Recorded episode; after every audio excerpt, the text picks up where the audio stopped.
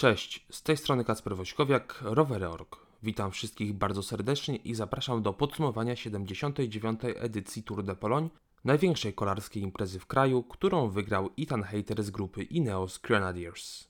Na sam początek tego materiału podsumujemy ostatni etap naszego narodowego turu. Start odcinka w podkrakowskiej Skawinie opóźnił się o kilka minut przez korki na Zakiopiance, no ale to można było przewidzieć. Do ucieczki dnia zabrało się czterech kolarzy: Julius Johansen, Intermarché Vanty Gobert, Alessandro De Marchi, Izrael Premier Tech, Gerard Driesners, Lotto Sudal oraz Syver Werstedt Uno X.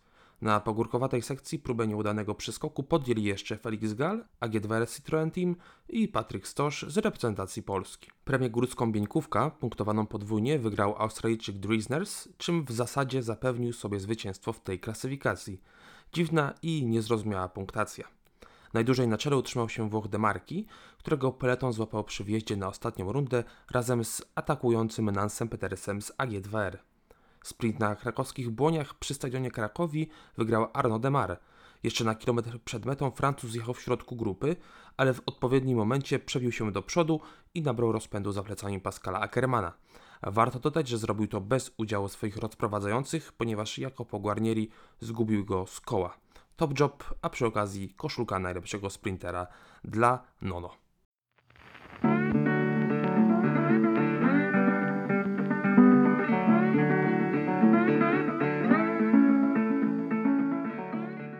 O losach generalki zadecydowała górska czasówka na Podhalu. Czasówka osobliwa, bo prowadząca bocznymi drogami. Problem z zasięgiem w pobliżu trasy spowodował, że organizatorzy z Teamu wyznaczyli punkt pomiaru czasu dopiero 2 km przed metą. Kibiców na starcie w Ogronkowie pod Nowym Targiem było kilkunastu, nie licząc lokalsów, którzy udostępnili zespołom swoje działki. Najlepsze miejsce pod lokalnym sklepem zajęli Jastańczycy.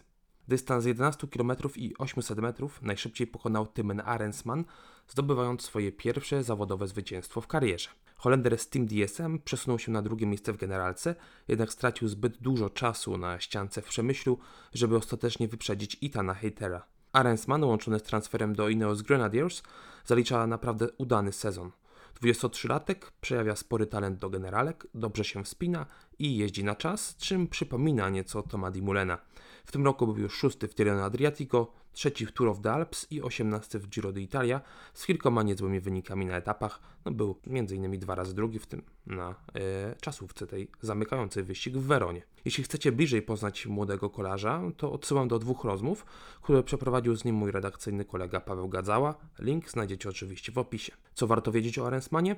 Pasjonat historii, były przełajowiec, trzeci kolarz młodzieżowego Rubę i drugi zawodnik Avenir, który wygrał wtedy Tadej Pogaczar. Ciekawy miks bardzo, bardzo różnych umiejętności. A teraz posłuchajcie, co miał nam do powiedzenia na mecie wyścigu w Krakowie. How big is this result for you? Um, yeah, I think it's uh, just a nice confirmation of what I'm doing this year. Like uh, third tour of the Alps, sixth in Tirreno, a really uh, solid Giro, I think. So it's uh, it's it's a nice next step in my career, I think, and I hope I can make uh, can uh, can make making steps. And that path is towards becoming a stage race Grand Tour rider. That, that, that's the goal. Yeah, I don't know. I just want to be the, the best rider I can be, and uh, I think my physical ca- capabilities suit like time trialing and climbing. So that would make me a Grand Tour rider. But I also like other races, one day races and classics. I just want to be a complete bike rider, and uh, let's see what is in my body. Co warto powiedzieć jeszcze o szóstym etapie Tour de Pologne? Przynajmniej mnie zawiódł Matteo Sobrero. Były mistrz Włoch, pojechał jak na siebie przeciętną czasówkę i nie włączył się do walki o zwycięstwo w klasyfikacji generalnej. Starczyło mu na czwarte miejsca. Naprawdę mówię, przed tą czasówką no, spodziewałem się, że będzie to wyglądać zdecydowanie, zdecydowanie lepiej. Warto pochwalić zdolną młodzież. Amerykanin Magnus Sheffield, Niemiec Marco Brenner i Brytyjczyk Ben Tallet znaleźli się w czołowej szóstce górskiej czasówki. To naprawdę bardzo, bardzo dobry wynik.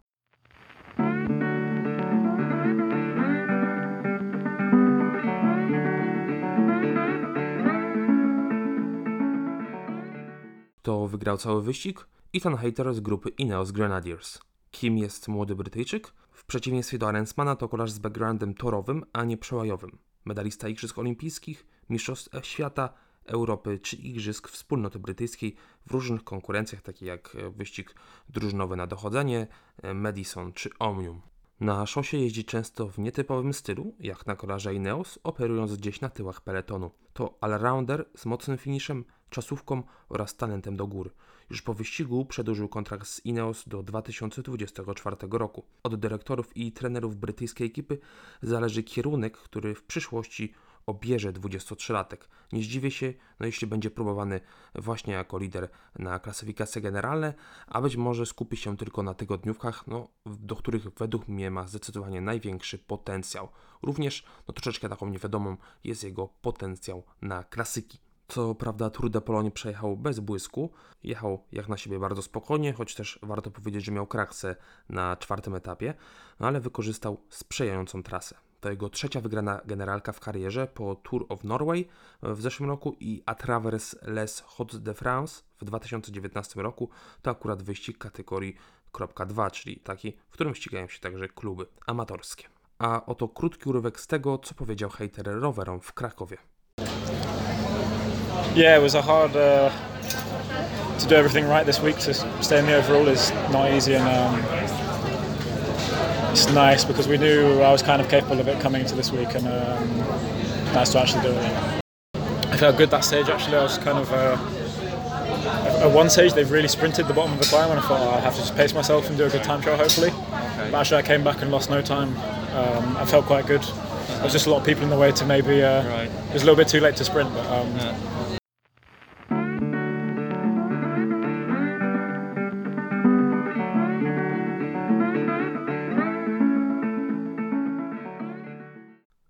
koniec tego materiału przedstawię plusy i minusy 79. edycji Tour de Pologne. Co na plus? Górska czasówka to bardzo ciekawy pomysł, e, szansa na rozbicie stawki na kilkadziesiąt sekund, jednak wolałbym ją zobaczyć na początku wyścigu. Ogólnie Tour de Pologne i jakakolwiek czasówka to według mnie naprawdę bardzo dobre połączenie. Obsada sprinterska nie zawiodła. Oglądaliśmy ciekawe i wyrównane sprinty bez dominacji jednego zawodnika, no co przypominało trochę te wielkie tury i poza tym te największe wyścigi, gdzie po prostu bardzo ciężko wskazać najlepszego sprintera całego sezonu. No i po raz kolejny w Polsce pokazali się młodzi zawodnicy. Swoje pierwsze zwycięstwa na tym szczeblu odnieśli m.in. Tymen Arensman, Olaf Koy czy Gerben Tyson. Być może w przyszłości to właśnie oni będą rządzić i dzielić podczas największych wyścigów świata. Co na minus, niektóre finisze były bardzo źle zaprojektowane, co stwarzało no, realne niebezpieczeństwo dla kolarzy. Widzieliśmy upadki, no ten na pierwszym etapie był spowodowany bardzo dziwnym ustawieniem barierki, także finisz w Sanoku był troszeczkę źle zaprojektowany, kręty, ale myślę, że wynikało to z tego, że organizatorzy po prostu zakładali, że przejedzie tam mniejszy peleton. No przez takie sytuacje po raz kolejny na Twitterze wylała się fala krytyki na polski wyścig. Brakowało królewskiego etapu, przez co wyścig sprowadził się w zasadzie do dwóch etapów, trzeciego i szóstego. Tym bardziej, że ścianka w Przemyślu była mniej selektywna niż przed rokiem. No i ten trzeci etap nie był taką bombą jak wtedy, kiedy zaatakował Joao Almeida i naprawdę bardzo mocno podzielił stawkę. Wydaje mi się, że Czesław Lang i jego współpracownicy muszą w najbliższym czasie zastanowić się nad przyszłością Tour de Pologne, bo tegoroczna edycja no, emocjami nas po prostu nie porwała.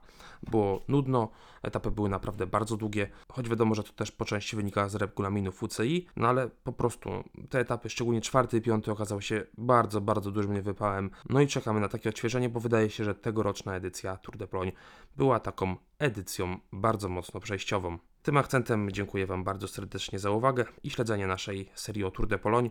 Mówił Kacper Wośkowiak Rowerorg, mówili także Ethan Hater oraz Tymen Arensman. Jeśli ten odcinek przypadł Wam do gustu, to zachęcam do zostawienia nam łapki w górę i subskrypcji. Dzięki, cześć i do usłyszenia już podczas La Vuelty.